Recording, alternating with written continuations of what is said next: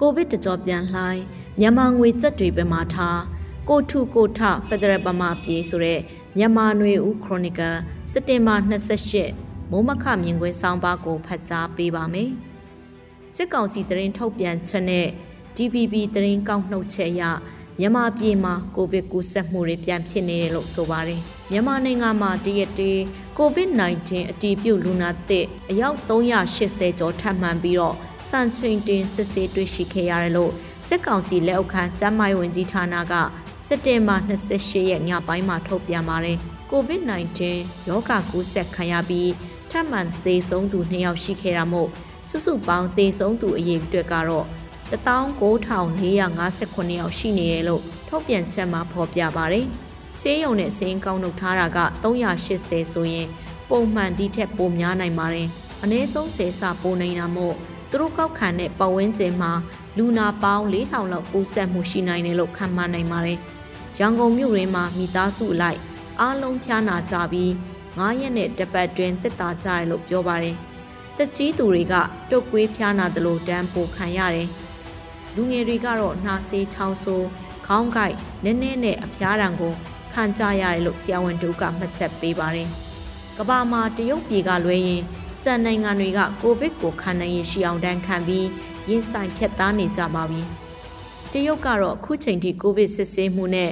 lockdown ချတာလုပ်နေဆဲဖြစ်ပါတယ်။ရခင်ကကာကွယ်ဆေးထိုးဖို့ထက်တန်ကြပေးမဲ့ကိုဗစ်ကမျိုးဆက်ပြောင်းတာအလွန်မြန်တာမို့ကိုဗစ်ဆေးလဲစိတ်မဝင်စားကြတာလည်းဖြစ်ပါတယ်။ရခင်ကလောက်လဲတေနှုံးကမမြင်မာတော့ပါလူတွေကခံနိုင်ရရှိအောင်ကြိုတင်ပြင်ဆင်ထားကြရပါတယ်။မျက်နှာဖုံးတက်တဲ့ကြိုတင်ကာကွယ်မှုကို လူတိုင်းကဆက်လက်ဆွဲကင်ထားဖို့လိုတယ်လို့ကျမ်းမိုက်ဌာနတိုင်းကကြံပေးပါတယ်။ UNG အစိုးရကကိုပိုင်ဗန္နာရေးစနစ်တွေစီမံကိန်းတွေထုတ်ပြီးရန်ပုံငွေတွေစုဆောင်းတာကိုလုပ်နေပါတယ်။အခြားသောထောက်ပို့အစုအဖွဲ့တွေကလည်းသူတို့နေသူတို့ဟာနဲ့ရန်ပုံငွေရှာဖွေစုဆောင်းဖြန့်ချီနေကြပါတယ်။စစ်ကောင်စီချုပ်ခိုင်ထားတဲ့ဗဟိုပန်နဲ့အွန်လိုင်းပန်စနစ်တွေထဲကဝိတ်ပေးနဲ့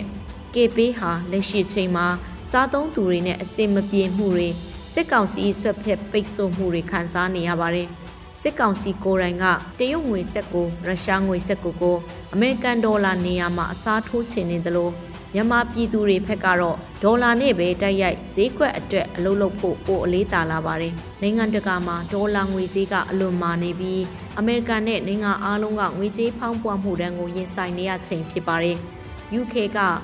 ငွေကြေးဖောင်းပွားမှုကိုဖြေရှင်းဖို့ ဝင်ငွေခွန်တွေချော့ကောက်မယ်ပြောပြီးနောက်သူတို့ငွေစည်းထိုးဆင်းသွားတာကြောင့်သူတို့ရဲ့ငွေချေးစာချုပ်တွေအတိုးကြီးပေးပြန်ဝယ်ပြီးအဖက်ဆယ်နေရပါတယ်စစ်ကောင်စီကငွေကြေးဖောင်းပွားမှုနဲ့စီးပွားနှိကွေးမှုတွေမတိုင်ခင်ကလေးကသူ့စေခါကြီးကိုသူဖော်ပြီးဒေါ်လာကိုထိန်းချုပ်ဖို့စ조사ခဲ့တာကြောင့်ကမ္ဘာငွေကြေးဖောင်းပွားမှုအကျက်တေးမှာအခုထက်ပိုပြီးဆိုးဆိုးဝါးဝါရင်ဆိုင်ရလိမ့်မယ်လို့ပုံသေးရက်ွက်ကခန့်မှန်းပါတယ်တဲ့အဲဒါကြောင့်ပြည်သူတွေက မြန်မာငွေစက်ကိုကိုစုဆောင်းထားတာထက်အခြားအရင်းမြစ်တွေကိုဝေထားကြတယ်လို့ဆိုပါတယ်။အဲ့ဒီလိုအရင်းမြစ်တွေထဲမှာ AUG ကထုတ်လုပ်တဲ့ဘွန်းတွေ EOD project တွေ sharing NUG DMMK စက်တွေလည်းပါပုံရတယ်လို့သူတို့ကမှတ်ချက်ပေးပါတယ်။စစ်ကောင်စီကတော့သူတို့ရဲ့လမ်းပြမင်းပုံအတိုင်းဆက်လက်ရှောင်နေဆဲဖြစ်ပါတယ်။2008အခြေခံဥပဒေနဲ့ NCA မူပေါင်းတွေပေါ်အခြေခံပြီးနိုင်ငံရေးပါတီတွေနဲ့တိုင်းသားလက်နက်ကိုင်တွေကို ထိန်းချုပ်ကန့်သက်ထားဖို့စ조사နေဆဲဖြစ်ပါတယ်။မြန်မာစစ်တပ်ဟာဒီမိုကရေစီနဲ့ဖက်ဒရယ်စနစ်အခြေခံတဲ့ပြည်ထောင်စုတည်ဆောက်နေပြီးဖြစ်တင်ဖြစ်တိုက်တဲ့ဖက်ဒရယ်အခွင့်အရေးတွေကိုသာပေးအပ်သွားမယ်လို့စစ်ခေါင်းဆောင်မင်းအောင်လှိုင်ကပြောဆိုလိုက်ပါတယ်။လက်ရှိမှာသူတို့ဖိတ်ခေါ်တဲ့ငင်းချိုင်းရေးဆွေးနွေးပွဲမှာဝအပြည်သွေးစည်းညီညွတ်ရေးတက်မတော် UWSA အမျိုးသားဒီမိုကရက်တစ်မဟာမိတ်တမတော် NDAA မိုင်းလာနဲ့ရှမ်းပြည်တိုးတက်ရေးပါတီ SSPP ကိုယ်စားလှယ်တို့ကပြီးခဲ့တဲ့စက်တင်ဘာ26ရက်နေ့ကစပြီးတွေ့ဆုံနေပါတယ်။ဆွေးနွေးပွဲကာလမှာဝပြည်နယ်နဲ့မိုင်းလာကိုပိုင်အုပ်ချုပ်ခွင့်ရဒေသဖြစ်တတ်မှတ်ဖို့မူအားဖြင့်သဘောတူညီတယ်လို့သတင်းလဲထွက်လာပါတယ်။စစ်ကောင်စီဘက်ကသူတို့နေသူတို့ဟာနဲ့သူတို့လက်ဝေခံ Federal Unit တွေထူထောင်တာချဲ့ထွင်တာတွေလှုပ်ဆောင်နေချိန်မှာ ຫນွေဦးတော်လှန်ရေးတမိုင်းအလှည့်အပြောင်းကနေတော်လှန်သောပြည်သူတွေ၏ကြောထောင်နောက်ခံတဲ့တက်လွင်သော Federal Unit တွေထွက်ပေါ်လာတာကိုဥပေက္ခပြုထားပုံရပါတယ်။ Federal အဟောင်းအမြင့်တွေကနေလူထုလက်ခံတဲ့ Federal Unit အသစ်တွေထွက်ပေါ်နေတဲ့အထဲမှာကချင်၊ကရင်၊ကယားနဲ့ချင်းဒေသတွေအပြင်ဗမာလူမျိုးအများစု၏ကြောထောင်နောက်ခံနဲ့စကိုင်းမကွေးအခြေပြုဗမာဖက်ဒရယ်ယူနစ်လို့ဆိုရမယ်ဗမာပြည်နယ်တစ်တွေ ပေါ်ထွက်ခြေခုံယူနေပြီလို့ဆိုနိုင်ပါတယ်အယူကြီးကာကွယ်ရေးဒုဝန်ကြီးနိုင်ကောင်းရွက်က